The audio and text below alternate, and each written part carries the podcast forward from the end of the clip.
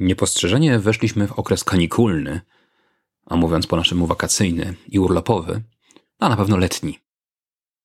To wcale nie znaczy, że pogawędnik na ten czas zawiesza działalność. Wręcz przeciwnie, mamy już w głowie kilka nowych projektów. Już za tydzień nadamy odcinek trochę podróżny, który nagraliśmy w Lądku Zdroju.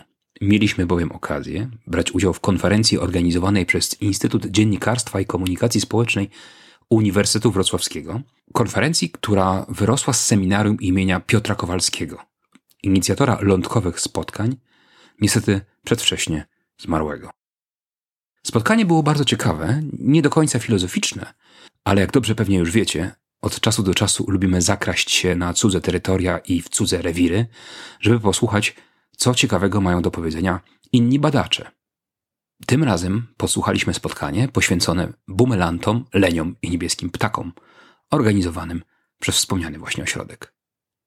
Już za tydzień będziecie mogli posłuchać o samej inicjatywie konferencji i tych już wieloletnich spotkań, ale także o problemie mediatyzacji, jak i prozie Michela Welbecka. Bowiem oprócz opowieści o samym spotkaniu, udało mi się w kuluarach namówić kilku uczestników do pogawędki na tematy, które prezentowali w swoich referatach. Będzie się działo.